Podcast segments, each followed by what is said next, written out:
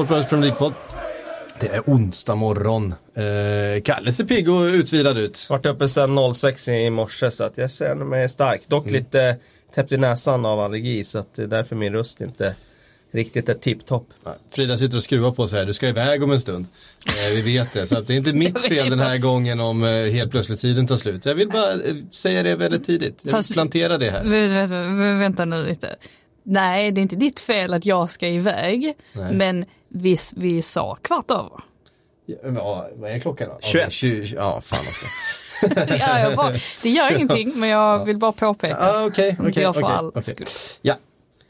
Ehm, herregud, det har hänt så mycket fotboll sen vi pratade senast. Mm. Eh, vi, alltså, visst det är en vecka sedan, vi måste prata om, om eh, båda mötena såklart mellan Manchester City och Spurs som har varit eh, sen vi sågs här senast. Eh, och vi, vi får väl börja där i det på något sätt dubbelmötet som har varit i två olika sammanhang. Eh, Champions League först, det var ju, du har ju skrivit om den Frida, Eh, herregud, vi har på olika sätt skrivit om den eh, allihop gissar i sociala medier. Så här, du skrev eh, själva eh, Matchtexten på matchtexten, matchkrönikan är det jag skulle säga. Eh, det var, det var, fanns en del vinklar att eh, välja och vraka bland. Ja, jag vet inte ens vad jag ska säga. Jag är helt, eh, fortfarande helt mållös. Det är det värsta. Nej, det är väl inte kanske det värsta man har sett, men det är något av det värsta. Definitivt topp tre.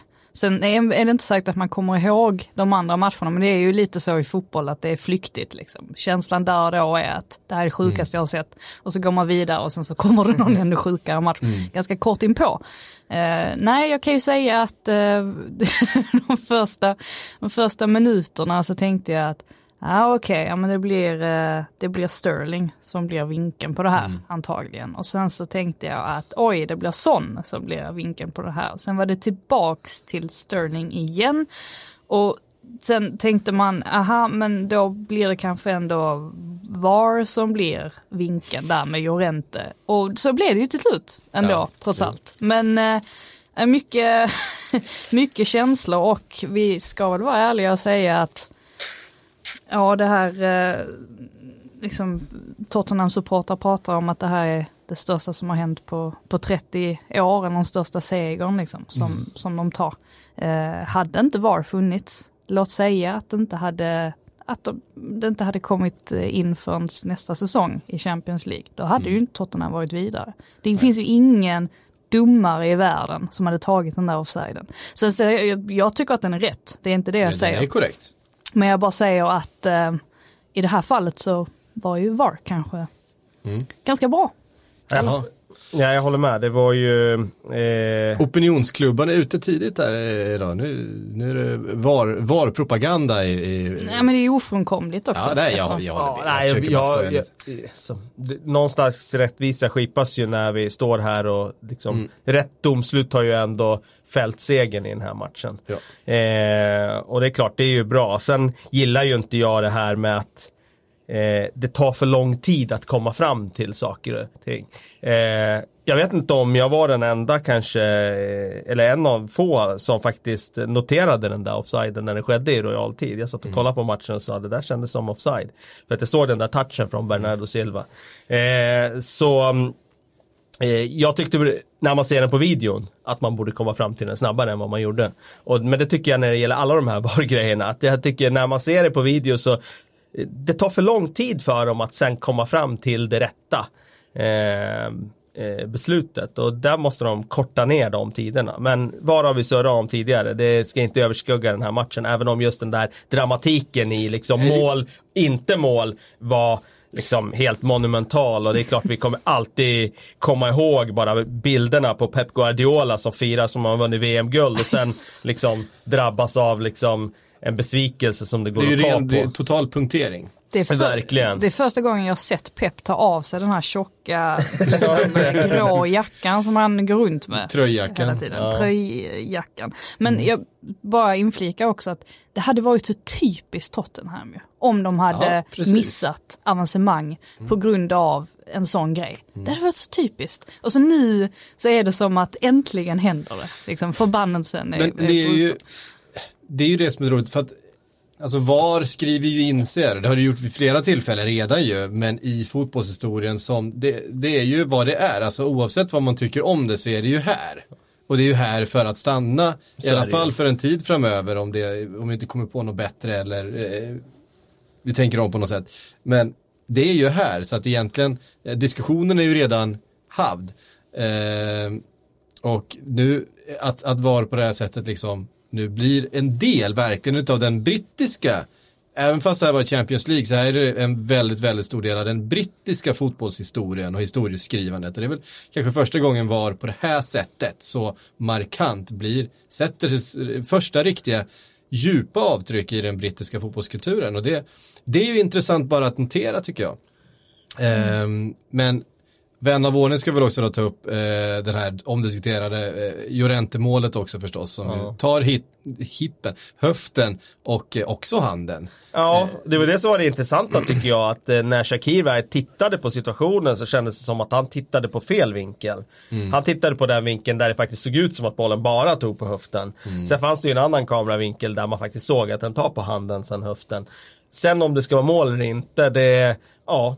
Eh, med de kommande reglerna nu när Fifa skriver Nästa- om dem, då kommer det ju säsong, ja. absolut inte vara mål. För att då Nej. är det ju alla hands som ger dig en fördel när du ska göra ett mål eller skaffa dig en målchans. Det, Ja. det spelar ingen roll hur, hur bollen har träffat, för vilket avstånd eller hur menad den är. Det kommer Nej. att bli eh, avblåst då.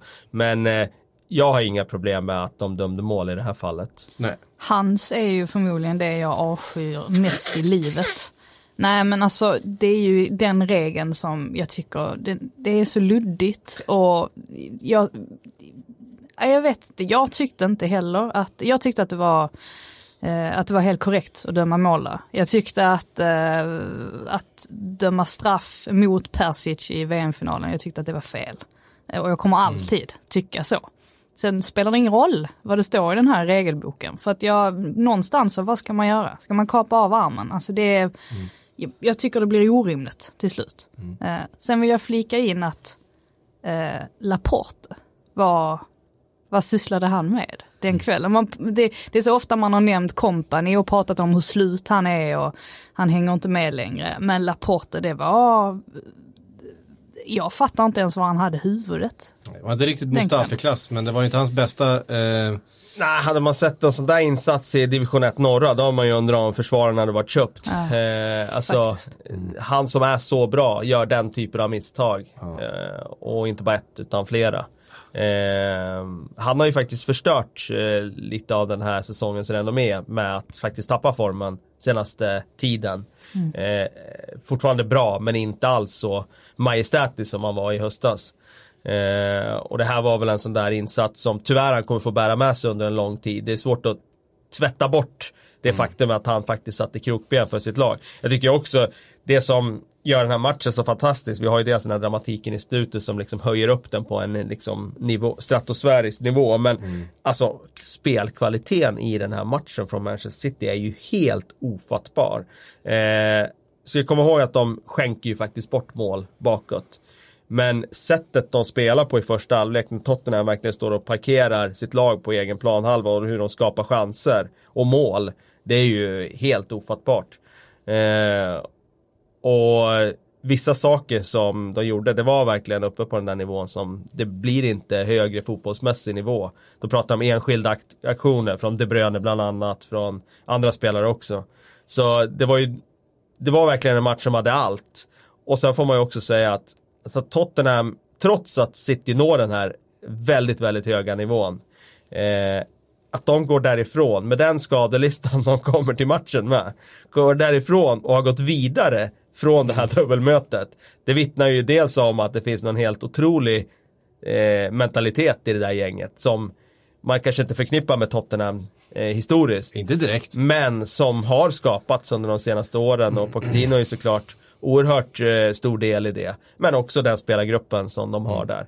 Och man kan inte säga längre någonting om Tottenham, liksom att man eh, har någon liksom mental svaghet eller så här, som det har varit tidigare. Det är ju en sanning som vi har liksom kunnat eh, repetera i, genom åren i engelsk fotboll. Nu finns inte det där kvar längre. De åker till Etihad med så lång skadelista, eh, så tunga pjäser borta Och de får ändå med sig det resultatet som tar dem vidare mot ett fenomenalt Manchester City. Det blir lite roligt också när vi sitter och hyllar första kvarten, 20 minuterna mm. och tycker att det är det roligaste som har hänt. Alltså kan ni tänka er hur Guardiola och Pochettino, de måste ju ha mått illa där vid sidlinjen och se det här hemska försvarsspelet. Det är ja. så sjukt hur det kunde vara sån enorm kvalitetsskillnad på eh, försvarsspel kontra anfallsspel. Eh, nej, jag, Guardiola kan ju inte vara... Ja, man vet ju att Guardiola som ju är en, en, en, en kontrollmänniska. Perfektionist. så, att han, han tar det ju som en personlig förolämpning när, när spelar, alltså man ser ju på honom. Han blir ju kränkt vid, vid sidlinjen. Eh, det, han blir ju fysiskt illamående. Det, det, det syns ju. Han tappar ju, hade han haft hår hade han ju tappat tappat håret av, av inte minst Laporte under den här eh, matchen. Mm. Men Spurs vidare, vi tar en eh, kort eh, Champions League-diskussion eh, då.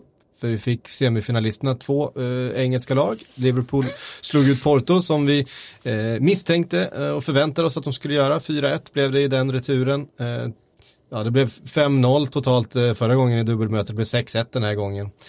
så det var inte så stor skillnad även om Porto var mycket bättre än Liverpool i den här matchen så förlorade de ändå med 4-1 och det, det säger, på tal om mentalitet och det här med stabilitet, eh, sta, stabilitet och vart, vart lag befinner sig och bara det här eh, hur mycket det, det, betyder i fotboll. Att Porto skapade, jag tror de hade 13, 13 avslut eller något sånt där och så gör Liverpool, har Liverpool sitt första avslut i matchen och gör mål. Och då är det klart att det är, måste ju vara så fruktansvärt eh, knäckande för, eh, för Porto-spelarna när det mm. händer så.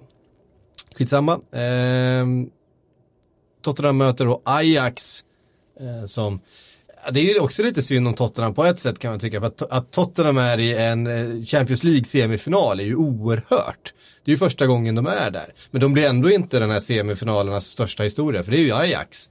Eh, som ju har slagit ut både Real Madrid och eh, Juventus på vägen och tagits dit med det här eh, frejdiga unga laget. Fast kanske en fördel också inte vara den största storyn när man kommer till semi. Det kommer vara så otroligt mycket snack om Ajax nu inför mm. semifinalen. Då. Det är roligt att ett av de två lagen kommer vara i final. Ja, det är häftigt. Eh, och det, det blir man ju glad av. På den andra sidan, eh, Barcelona och Liverpool, inte lika överraskande då kanske, Nej. två lag som de flesta eh, hade kanske upp fram i en semifinal eh, inför eh, den här säsongen.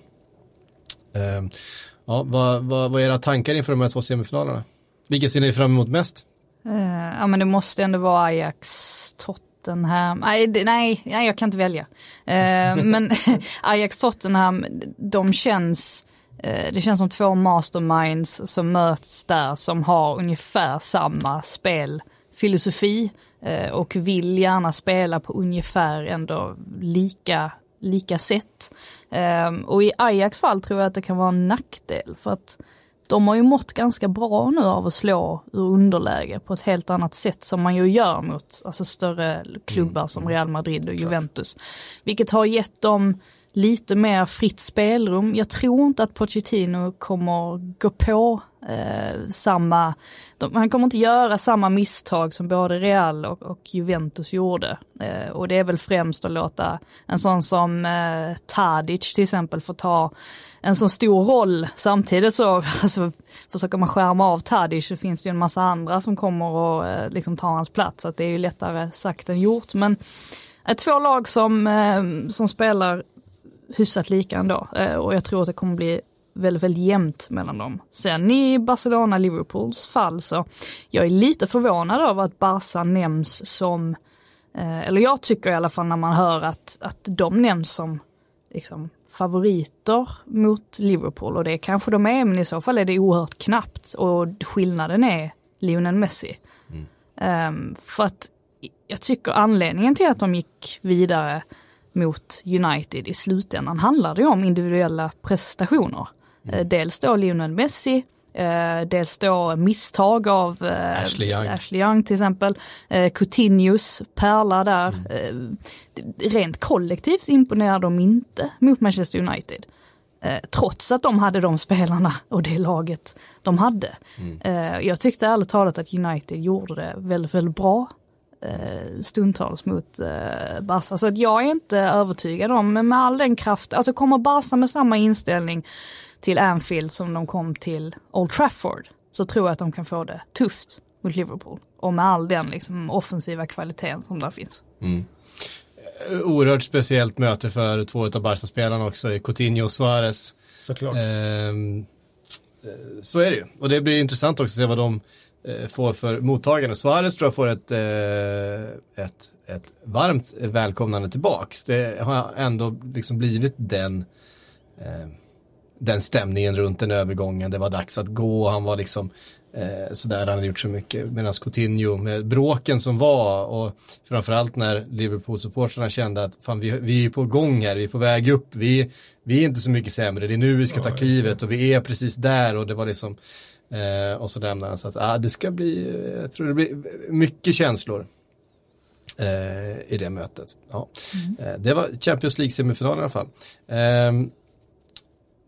Spurs och Manchester City, de var ju inte färdiga med varandra i, efter Champions League. De tänkte att det är lika bra vi tar en vända till på Etihad eh, i lördags. inte helt oväntat lite sämre kvalitet i den matchen. Eh, åtminstone offensivt.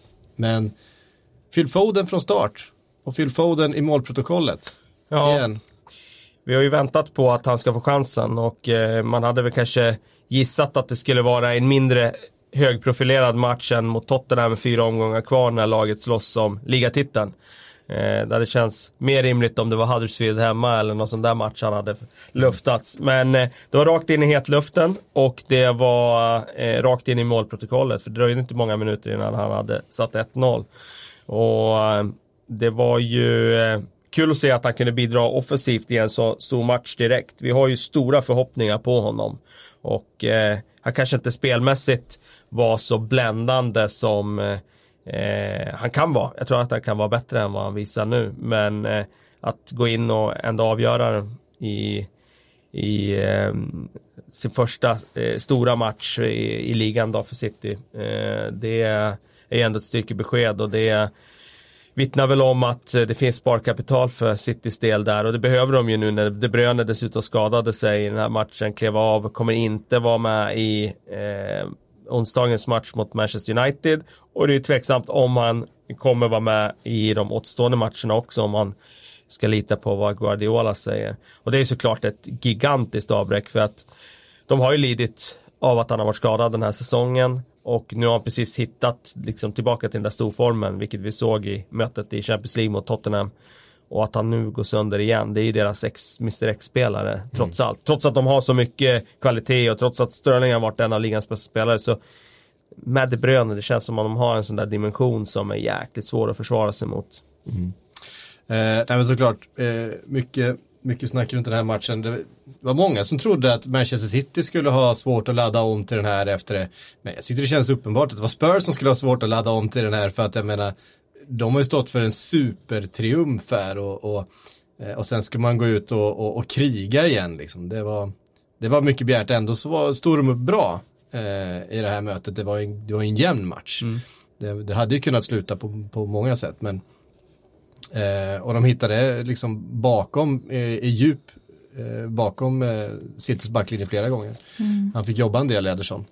Jag tycker det signalerar någonting ändå att Guardiola väljer att starta med Phil Foden i den här matchen. Eh, det visar ju att, eller det känns som att han vill signalera utåt att deras spelidé och deras tro på deras spel är så stark att det, de kan liksom sätta ut en en tonåring och de mm. kommer ändå kunna vinna matchen i slutändan. Eh, för övrigt så förstår jag inte alls hur han tänker för att jag tycker i fa matcher där vi tänkte att ja, men nu kommer han mönstra liksom en, en B-uppställning eller rent av en C-uppställning så har han slängt ut bästa laget. Så att jag, man blir aldrig riktigt klok på det nej. där eh, huvudet. Eh, men eh, nej, kul för Foden. Mm. Alltså jag måste ändå liksom så här, visst, har, han har inte fått så mycket speltid som vi kanske hade önskat. Han har ändå gjort sju mål och två assist den här säsongen. Ja, precis. I, det är jävligt bra stats alltså per spelad minut. Det är sjukt. Uh, nu är det väl i och för sig lite mindre cupmatcher och sådär där det är lite lättare att göra mål Men kanske. alltså, Men ändå. han, han alltså målen ändå fördelade i alla fyra eh, tävlingar. Han har gjort mål i ligacupen, FA-cupen, Champions League och nu ligan. Eh, så det är inte så att alla målen har kommit i, liksom, eh, mot division 3-gäng i, i en ligacupmatch. Nej, det är otroligt. Killen är 18 bast fortfarande. Och eh, det är klart att han är alldeles för bra för, för att de ska kunna slarva bort honom. Som de har slarvat bort Jadon Sancho. Känns som att Gündogan har assisterat i hälften av de målen. Men det vet jag inte, det är bara en sån känsla. Det var någon match där, där han ja. serverade i alla fall två assist och så kändes det som att han hade gjort en massa andra också. Ja, det är också sådär, alltså, bara det att han är 18, han fyller väl 19 tror jag nästa månad. Ja. Ehm, och eh, går in i det här laget.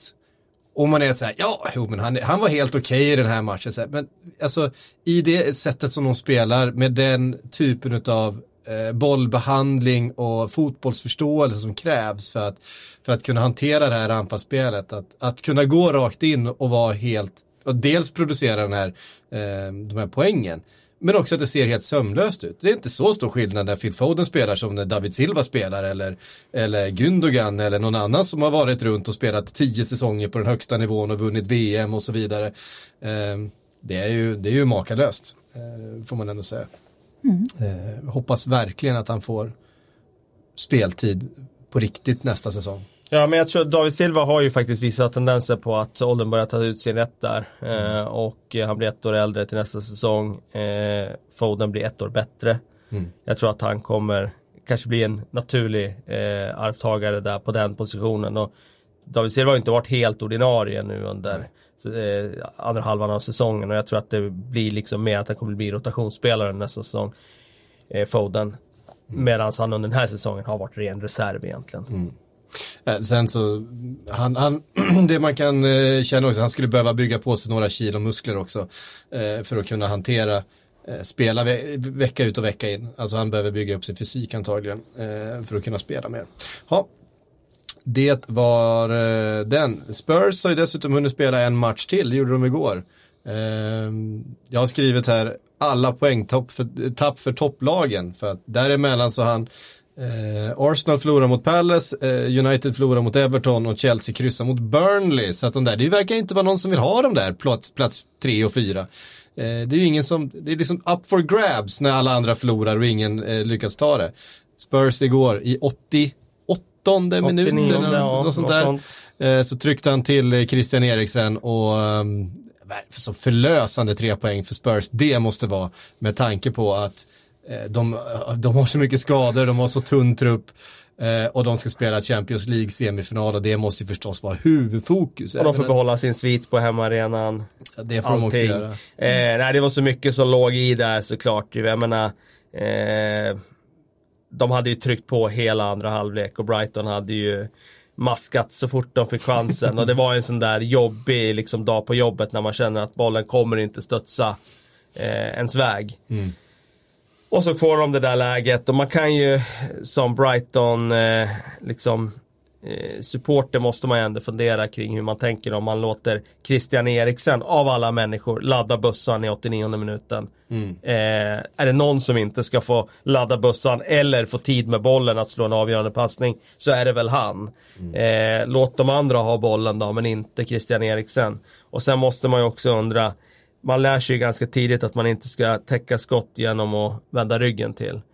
Eh, redan i ungdomslaget. P10 någonstans. Ja men typ, och jag menar när det står så mycket på spel så förvånar det ändå mig att eh, i ett lag i Premier League där eh, liksom upp och nedflyttning, det är, vi snackar en miljard eh, som står på spel. Har man inte mer guts än att man vänder ryggen till i 89 minuten som Stevens gör i det här fallet och lämnar hela första hörnet öppet på grund av att han gör det än att man eh, täcker skottet eh, ordentligt och eh, går därifrån med ett kryss och kanske ett nytt kontrakt säkrat. Tack vare det. Ja. Jag tycker, jag är för, det förvånar mig. Mm, ja, för Varje Brian- gång. Ja, det, händer ju hela tiden. Ja, det händer det, hela är någon tiden. slags eh, instinkt som, eh, som gör det. Um, han slår till med vänstern. Igen. Eriksen. Det är som att han skjuter lika bra med vänster som med höger nu för tiden. Man är ju, han är ju högerfotad, men det är den där högerfoten som man har liksom förknippat honom med. Han har skruvat in frisparkar och slagit fantastiska assist, men det här skottet är ju, det går ju inte att slå bättre. Han bara borrar ner den. Han har ju haft en väldigt blandad säsong också, får man ju säga. Ehm, men trots det så har han ju ändå tjänat in ganska många poäng för Tottenham eh, under året. Och det är väl frågan vad som händer nu eh, till sommaren. Det har ju pratats om att han vill eh, lämna och sådär. Eh, men hade jag varit Tottenham så hade jag gjort allt i min makt för att få honom att stanna. Det är väl inte helt orimligt att han tar den chansen med tanke på hans ålder. Att han har varit där i många år. Eh, han har varit med på den här resan klubben har gjort. Men ska någon gång liksom få chansen att spela i en av de största, då tänker jag Real Madrid eller Barcelona. Mm. Så är det ju den här sommaren. Ja. Nej, det är väl det som mycket, mycket bygger på. Jag skulle inte bli förvånad heller fall Juventus, som ju behöver bygga ett mittfält, kommer eh, höra sig för också. De gillar ju spelare med kort kvar på, eh, på kontraktet dessutom. Eh, de har en, en, en gedigen vana av höga sign-on fees. Eh, sådär. Och som sagt, vi såg ju inte minst mot Ajax att det, det fattades lite på det där mittfältet just nu. Eh, gott om poängtapp i övrigt då bland topplagen. Eh, Arsenal Palace 2-3. Benteke gjorde mål. Det var inget, var inget vackert mål. Eh, Nicky gick mitt på men eh, Leno tappade in den ändå. Jag missade ju den här matchen så jag har inte eh, liksom eh, någon eh, fullständig analys. Dock har jag ju noterat att eftersnacket har handlat väldigt mycket om vår gode vän Mustafi. Ja, jag har ju in... sett hans eh, ingripanden ja. i matchen och det var väl, eh, ja, de lämnar väl en del övrigt att önska. Jag tror inte att jag, jag får nog sluta prata om Mavropanos också. nu har han blivit utbytt i halvtid. Fast det blir ju alla av Emery i och för sig. Han, han, gillar tidiga byten. Ja det får man säga. Han gillar ju pausbyten, det får man ändå säga. Ja, alltså, men vad ska man, jag vet inte ens vad man ska. Men hur ska man kunna spela bredvid Mustafi? Ja, alltså, det... Nej, och det, det, det, blir så kul också för det blir så mycket snack om Sokratis och hur viktig Sokratis är för, för Arsenal. Och så samtidigt så tänker man att men det är ju inte heller någon topp, topp mittback i det här sammanhanget.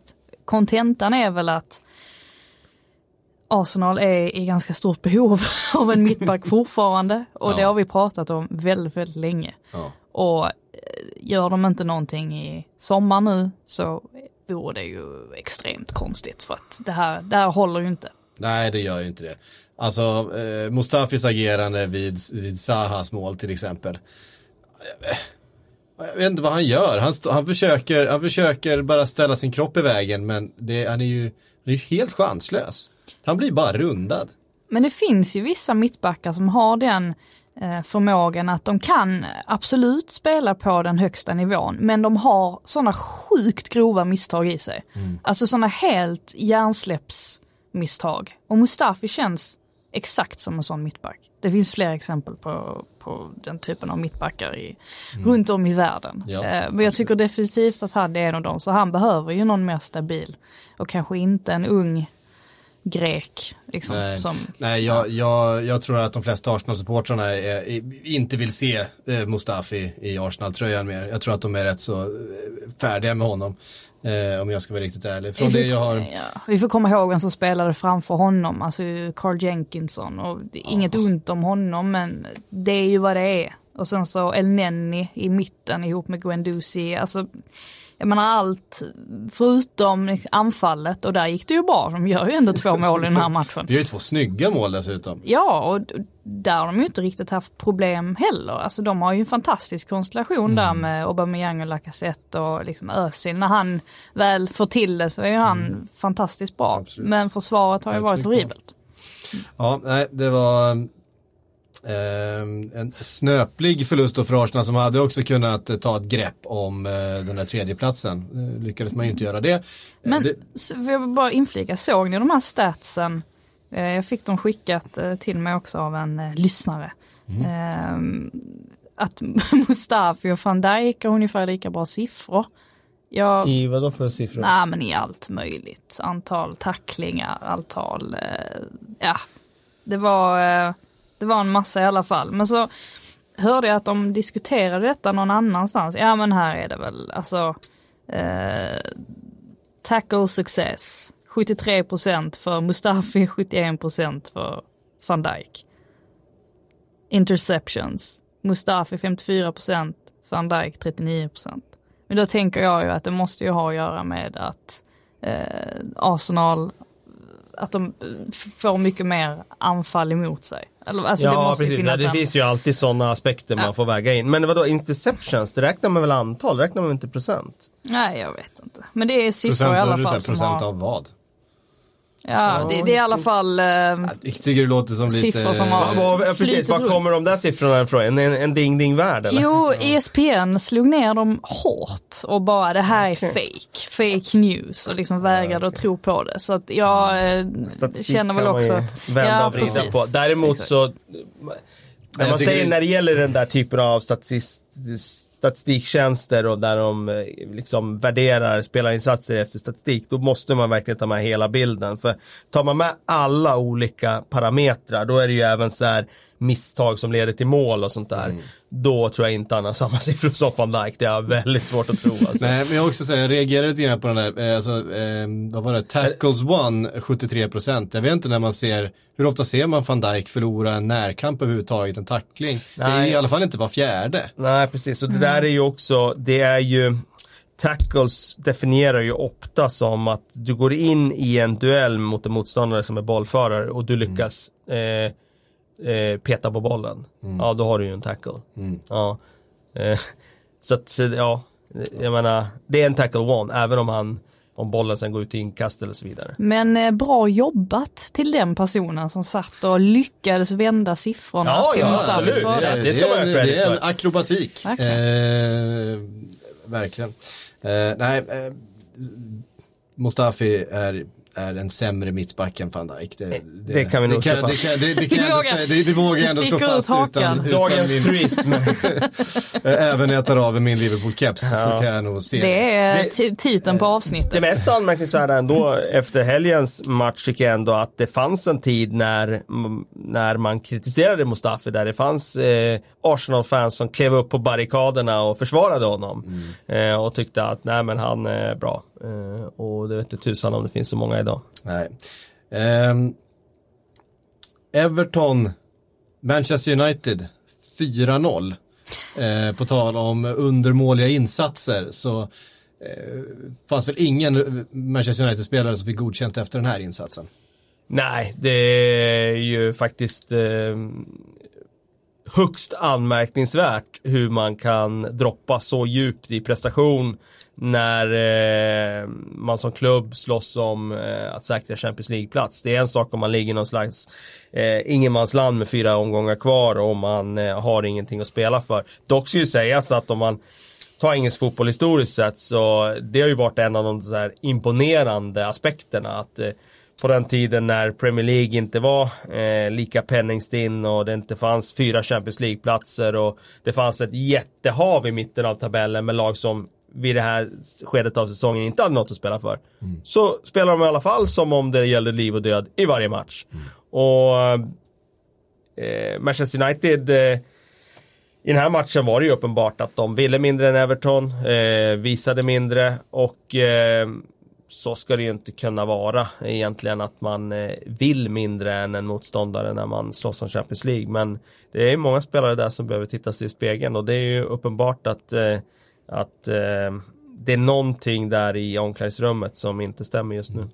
När United säkrade andra platsen då under Mourinho eh, för inte så länge sedan så sa ju han rätt ut att det var den största bedriften i hans karriär. karriär. karriär att ta eh, andra platsen med det laget som han hade att tillgå. Och det är väl klart att det har blivit någon sorts eh, grej att Mourinho han bara gnäller och gnäller på, på att han inte har spelare och han, han bara skyller på spelarmaterialet hela tiden. Men någonstans så vet vi väl allihop att han har ju rätt.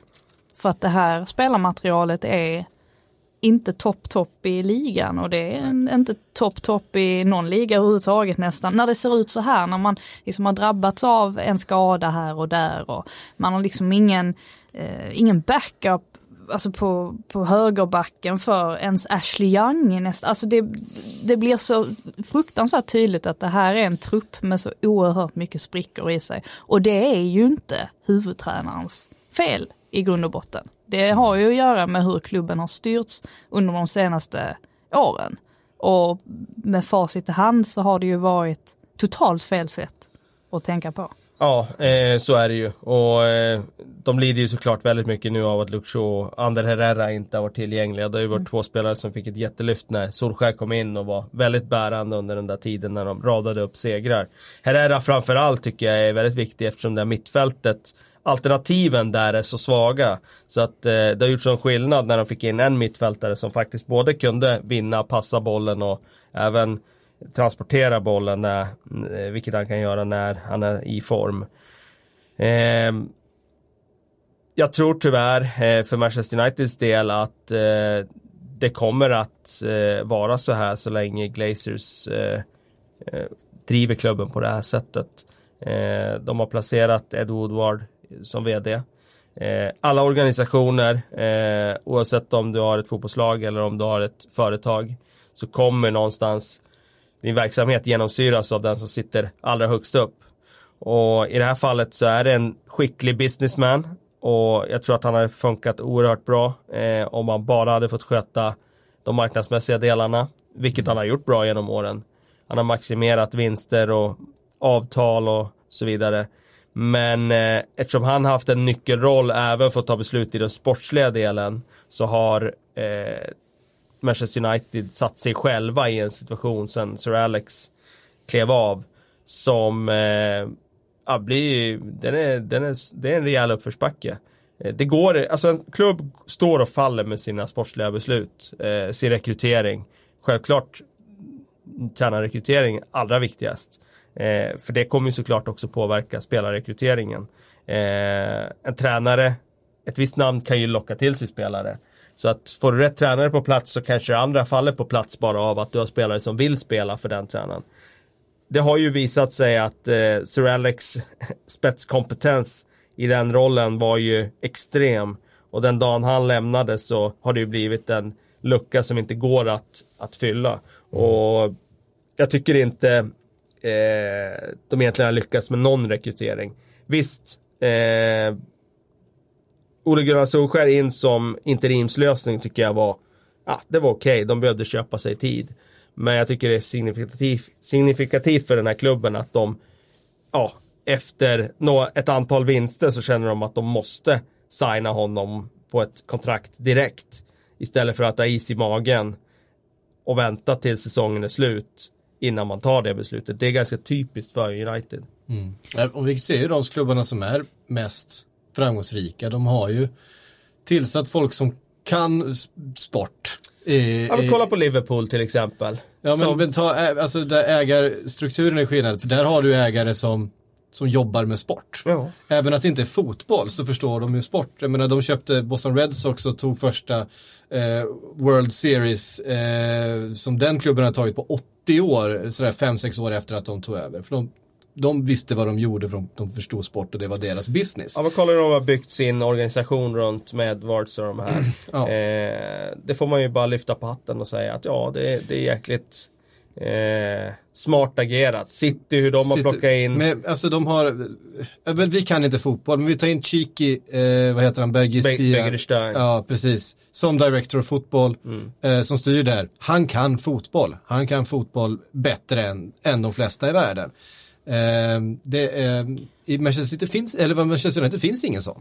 Nu har det ju pratats om att Mike Thielen ska bli någon sorts sportchef-aktig. mm. Och eh, ja, men jag, jag, jag, kan fatta varför man skrattar åt det om man tycker liksom att den gubben, liksom, vad, vad kan han tillföra? Men jag tror inte det är helt fel heller att fortsätta på det här spåret att försöka hitta Manchester Uniteds rätta identitet. För att den har man tappat. Jag, jag, tror faktiskt man tappade den i samma sekund som dels Sir Alex försvann, men även när David Moyes började sparka liksom en massa personal som hade jobbat där i, i all oändlighet. Då tror jag att man tappade lite Uniteds eh, DNA. Man visste inte riktigt hur man skulle hitta tillbaka till det vinnarspåret. Ja men ta in nu gamla ikoner. Eh, låt dem försöka ta fram, eh, få fram bra spelare från ungdomssidan. De har en jättefin akademi som ändå genererar mm. många spelare, ser vi inte minst i, i truppen idag. Lite det här som som Ajax alltid har varit så bra på nu. Det är två klubbar som de skiljer sig så enormt mycket rent storleksmässigt. Men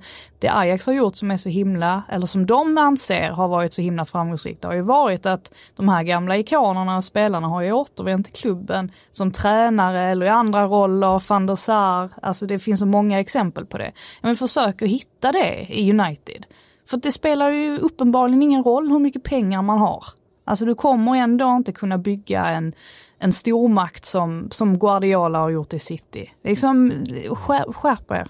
Det, det som gör mig tveksam om det gäller Filan nu, eh, om man ska gå in i sportchefsrollen, det är ju att eh, han är ju en bra, ska jag säga, nummer två eh, bakom. Eh, det är en verklig resa att gå från assisterande till eh, Ja, precis. Till alltså, chef. vet vi att han är en bra sportchef? Sportchef idag med hur transfermarknaden ser ut är ju en extremt komplex roll. Eh, och du behöver vara en jäkligt slug räv för att eh, ja, kryssa dig fram rätt bland agenter och snåriga eh, transferjunglar för att hitta rätt. Och det är inte jag säker på att han gör. Eh, jag är inget, eh, liksom, jag känner mig inte speciellt trygg med att ta en assisterande tränare upp till sportchefsrollen.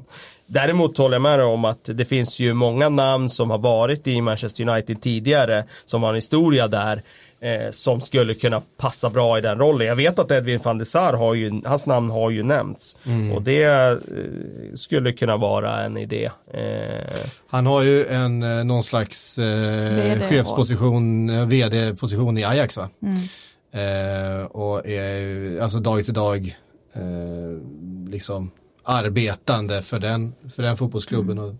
Det går ju bättre för Ajax än för, för Manchester United just nu. Ja, sen så Uniteds stora problem nu när de ska ge sig ut på transfermarknaden och försöka köpa sig, ja dels de ska köpa högerback, de ska köpa en mittback, eh, eh, för, kanske en massa mittfältare också om nu Herrera och alla de här lämnar, det vet man ju inte, och Pogba. Eh, problemet är ju att det finns en massa andra storklubbar som är betydligt mer attraktiva än Manchester United idag, som också är på jakt efter en massa nya spelare. Som Real Madrid till exempel, där Zidane har blivit lovad en massa pengar. Barcelona är ju i full gång, de har ju redan säkrat de Jong, men de kommer ju säkert försöka knyta till sig ännu fler spelare. Det, det, det är så många klubbar som just nu, ja, Juventus inte minst, som försöker hitta de här guldkornen. Så att, att hitta spelare som passar in bra, alltså det räcker inte att börja erbjuda en massa pengar längre. Nej, så är det ju. Eh, United har ju haft den dragningskraften tidigare och dessutom då haft fördelen av att man kan erbjuda extremt höga löner, vilket har gjort att de har varit attraktiva och kunna hämta Angel Di Maria i ett läge när han var en av de mest attraktiva mittfältarna i världen. Paul Pogba eh, och så vidare. Men eh, det är klart att det blir svårare och svårare om man är borta från toppen, eh, Europatoppen under längre och längre tid. Men det jag säger där med att man står och faller med sina eh, beslut. Alltså nu får ju också Manchester United betala, Ed Woodward får ju betala för att han gav Alexis Sanchez det där jättekontraktet. Och det sa vi ju då när de värvade honom, var det verkligen så smart att och, och ge honom det här vi kontraktet? Vi skrattar ju åt det. Ja, för det, det kommer ju andra spelare som knackar på dörren eh, och säger att eh, nu vill jag också tjäna mer. Och det är klart, om man dessutom då underpresterar så grovt som man har gjort, då kommer den kön in till ja, eh, Ed Woodwards kontor ännu längre. Och nu sitter de ju i den sitsen att David de Gea och hans representanter kräver såklart en jättelön för att skriva på ett nytt kontrakt. För de vet ju vad han har presterat genom åren. Även om han nu inte är i någon bra form så har han ju varit oerhört viktig för Manchester United. Deras viktigaste spelare under hela 10-talet får man ju säga. Mm. Eh, och det är klart, då, då, då tror jag att de har de har själv satt sig i situationen nu att de kommer inte förlänga med David de Gea för han kommer kräva för mycket lön mm. och han visar inte speciellt bra form nu så då är det bättre att de köper en ny målvakt som är utvecklingsbar och där kurvan pekar åt rätt håll. Men det, det är de själva som har satt sig i den här situationen. Mm. Ja. Vart ska det ske då?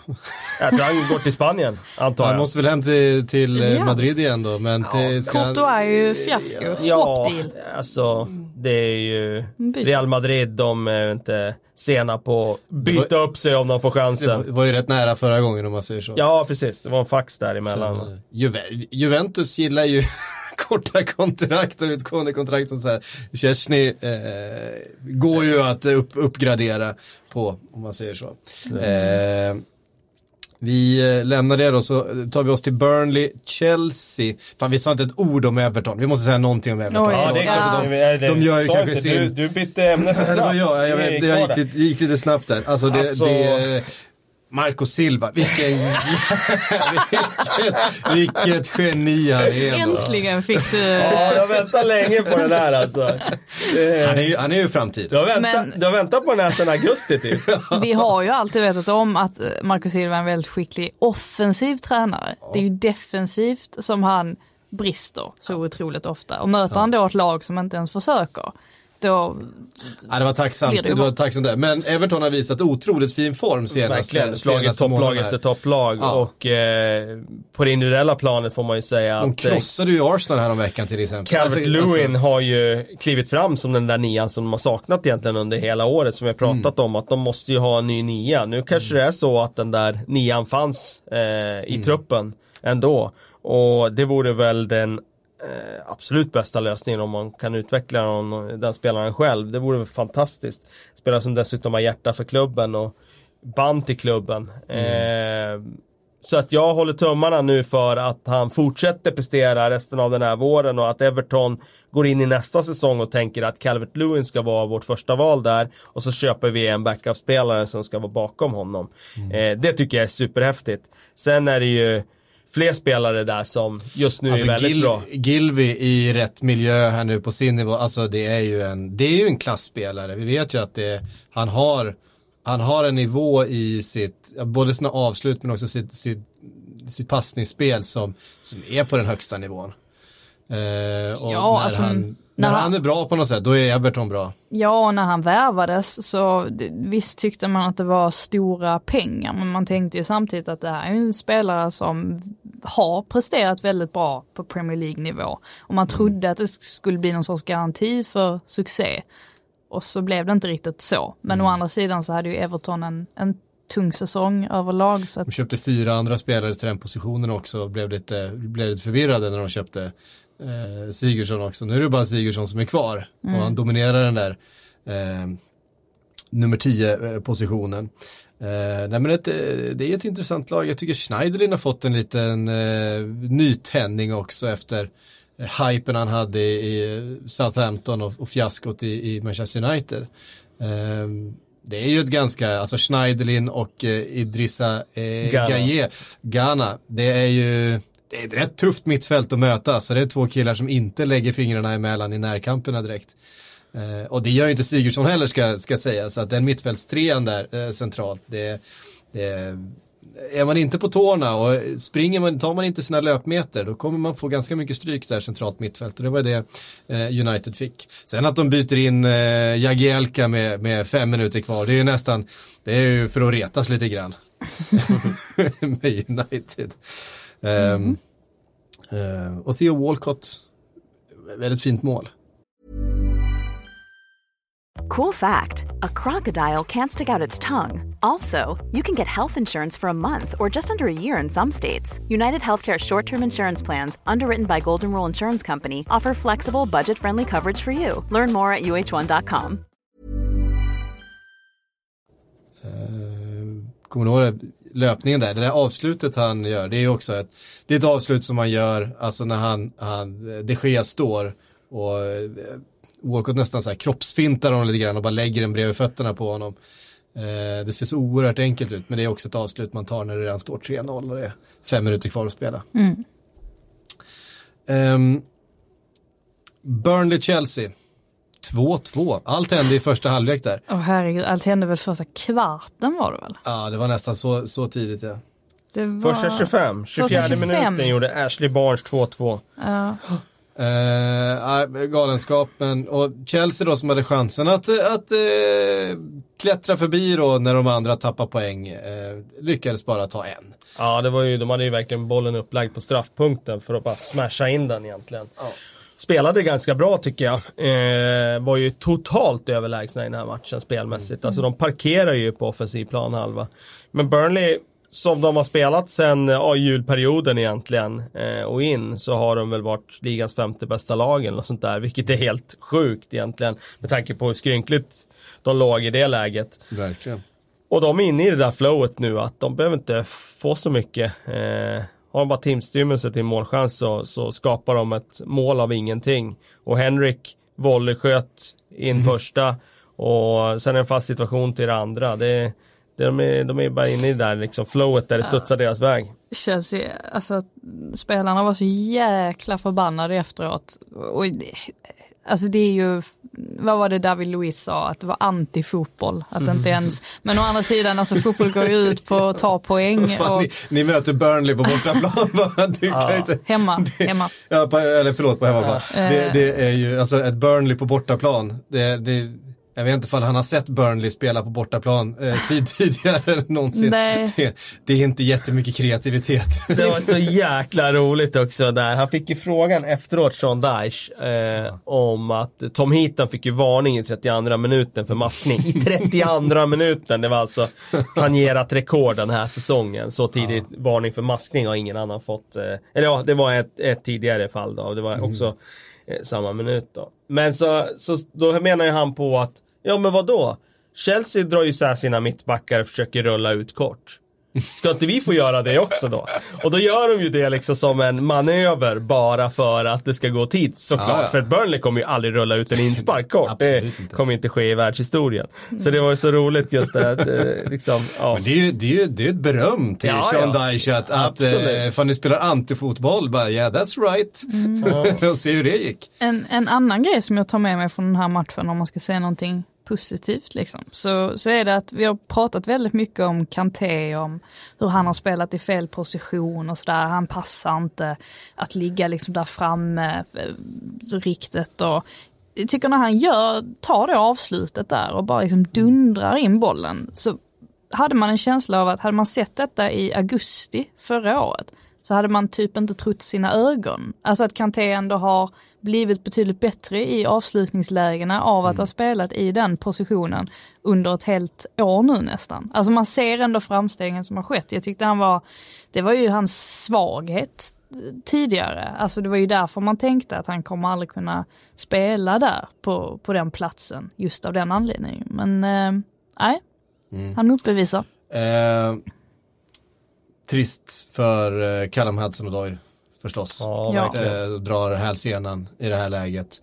Eh, har ju liksom fått chansen nu på slutet och fått, fått speltid. Eh, så vi kommer ihåg att det är också en, en, en 18-åring.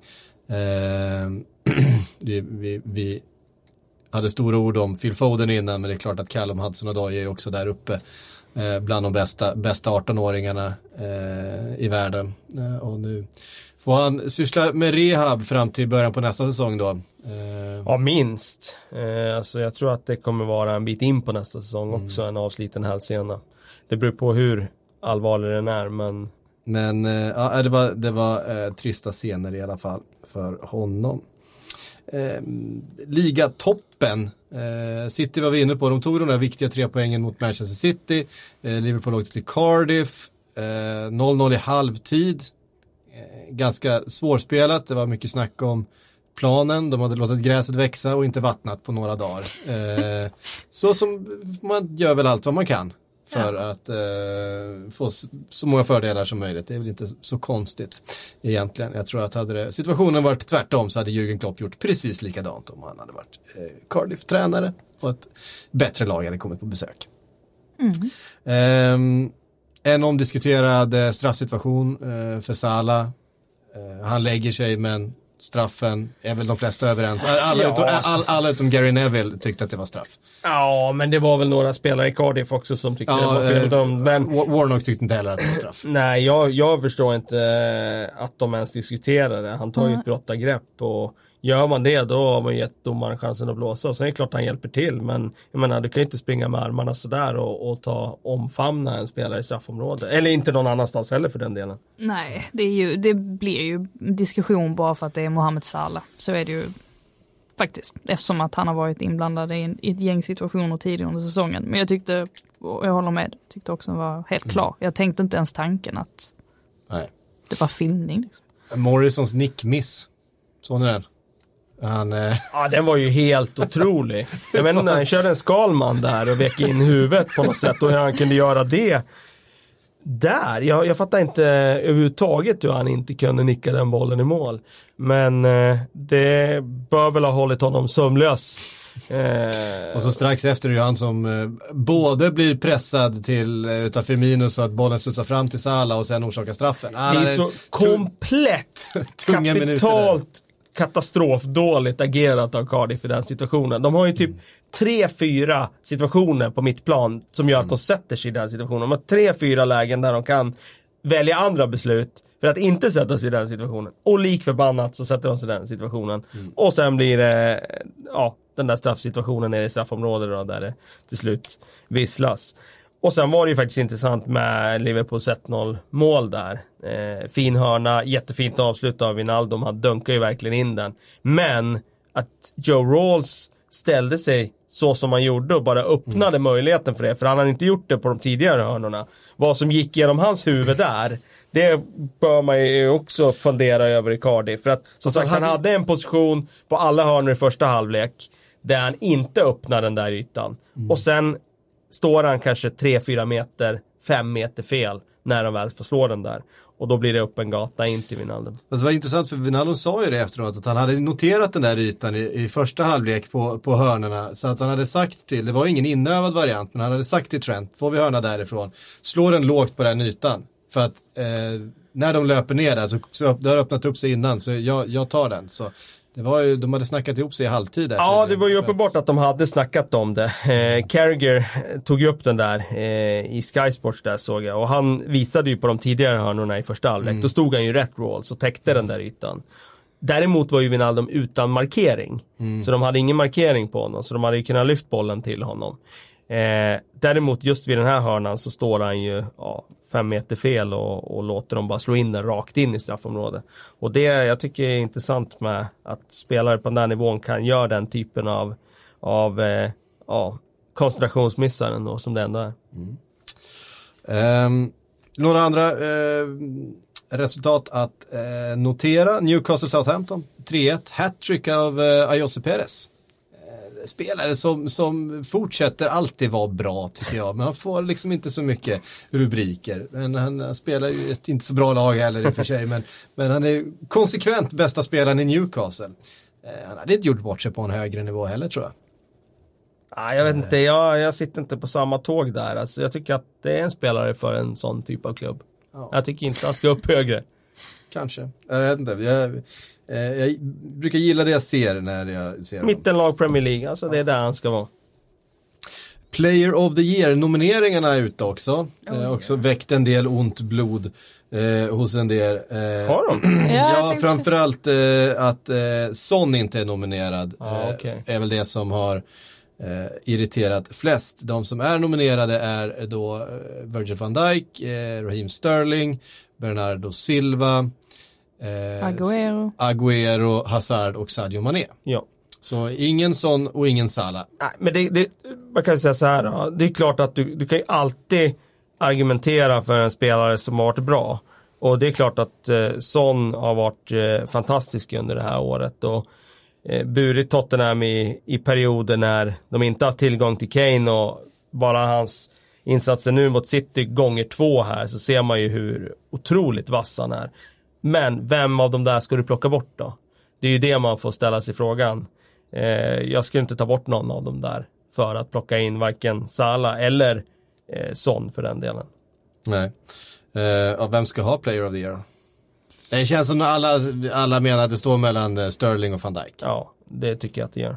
Ja, det gör det ju. Ehm, och det är frågan om man ska tänka där, men ehm, jag skulle väl ge den till van Dijk ändå. Ehm, och det är alltså grundat eh, på den sportsliga delen. För skulle, jag, skulle man bli lite så här, eh, vad säger man, att man skulle börja prata om vem som har gjort störst skillnad, eh, alltså på alla olika platser, både på och utanför planen, Mm. så går du inte att bortse ifrån vilket fantastiskt år Raheem Sterling har haft. Men nu är det väl eh, det sportsliga som gäller och då tycker jag att van Dijk har gjort större inverkan och gjort större skillnad för Liverpool än vad Raheem Sterling har gjort för Manchester City. Jag tror, jag tycker ändå att man kan, eh, oavsett hur fin han än har varit, Sterling, så kan man ändå byta ut honom mot någon annan och det hade absolut inte varit lika stor skillnad som ett Liverpool utan van Dijk. Mm. Jag har inte läst statuterna exakt i, i eh, hårdgranskat dem så. Men jag tror faktiskt att det är så att, att de även väger in lite andra saker. Alltså att man ska vara en representant för ja. och sådär. Ja, jag tror faktiskt det. Med det sagt så skulle jag i alla fall ge priset till Virgil van Dijk. För jag tycker att han... Jag tror, också, jag, jag tror att de tar, de, de har med någon sån sägning för att har man liksom sagt idiotiska saker. Jag tror att Precis, har man, har man också haft, på har man också haft en avstängning för att man har sagt rasistiska saker eller eh, betett sig, betett sig illa i en intervju eller sådana saker. Då, då, då tror jag att de vill kunna eh, hänvisa till det. liksom. Trist om van Dijk hade hållit på sådär och liksom Ja, precis. Jag menar, tappat det på, på eh, grund av det. John Terry låg säkert i fatet när han hade sin eh, avstängning. Suarez har ju också, tror jag, varit en sån spelare som har varit uppe för eh, Player of the year, men man har känt att, ah, fan, men han hade det där eh, situationen med Patrice Evra, eh, kanske inte känns sådär jättebra att ge honom, eh, ge honom det här finaste liksom, individuella priset eh, en sån säsong. Ja, Ja, jag tror att eh, van Dijk får det och jag hade gett det till honom också. Mm. Och sen hade jag gärna haft med Son, men eh, i den konkurrensen som är så, så skulle jag inte välja bort någon annan. nej.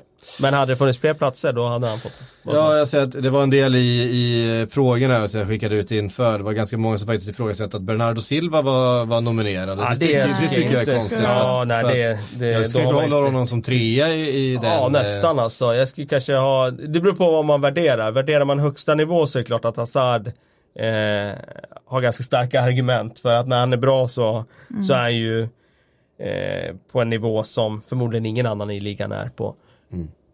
Men eh, Bernardo Silvas jämnhet under den här säsongen, han har ju verkligen burit City. Om man tittar på hela paketet, vad han gör både med och utan boll, så eh, är han given där. Eh, vi har fått en eh, massa frågor såklart. Vi ska försöka hinna riva av ett par utav dem. Eh, Ola vill att vi ska prata lite Aston Villas galna form i Championship. 10 raka vinster. Alla vinster sedan Jack Grealish gjorde comeback. Lätt den bästa spelaren utanför Premier League. Eh, ja, I England då får vi säga. Eh, och det, Jag tillägga. ja, eh, Eller ska det? det, det, annars är det Lionel, Lionel Messi tycker jag. Ja, det kan vara så. Jag tycker att han är bäst.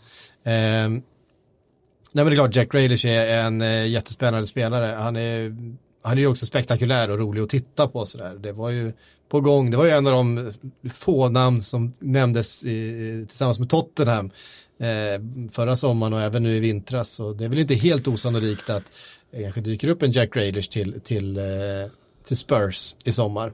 Ehm, han är han är spännande.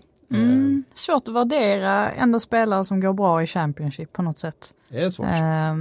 Vet du när Chris Wood, han vann väl till och med skytteligan med Leeds. Mm. Och så hamnar han i Burnley.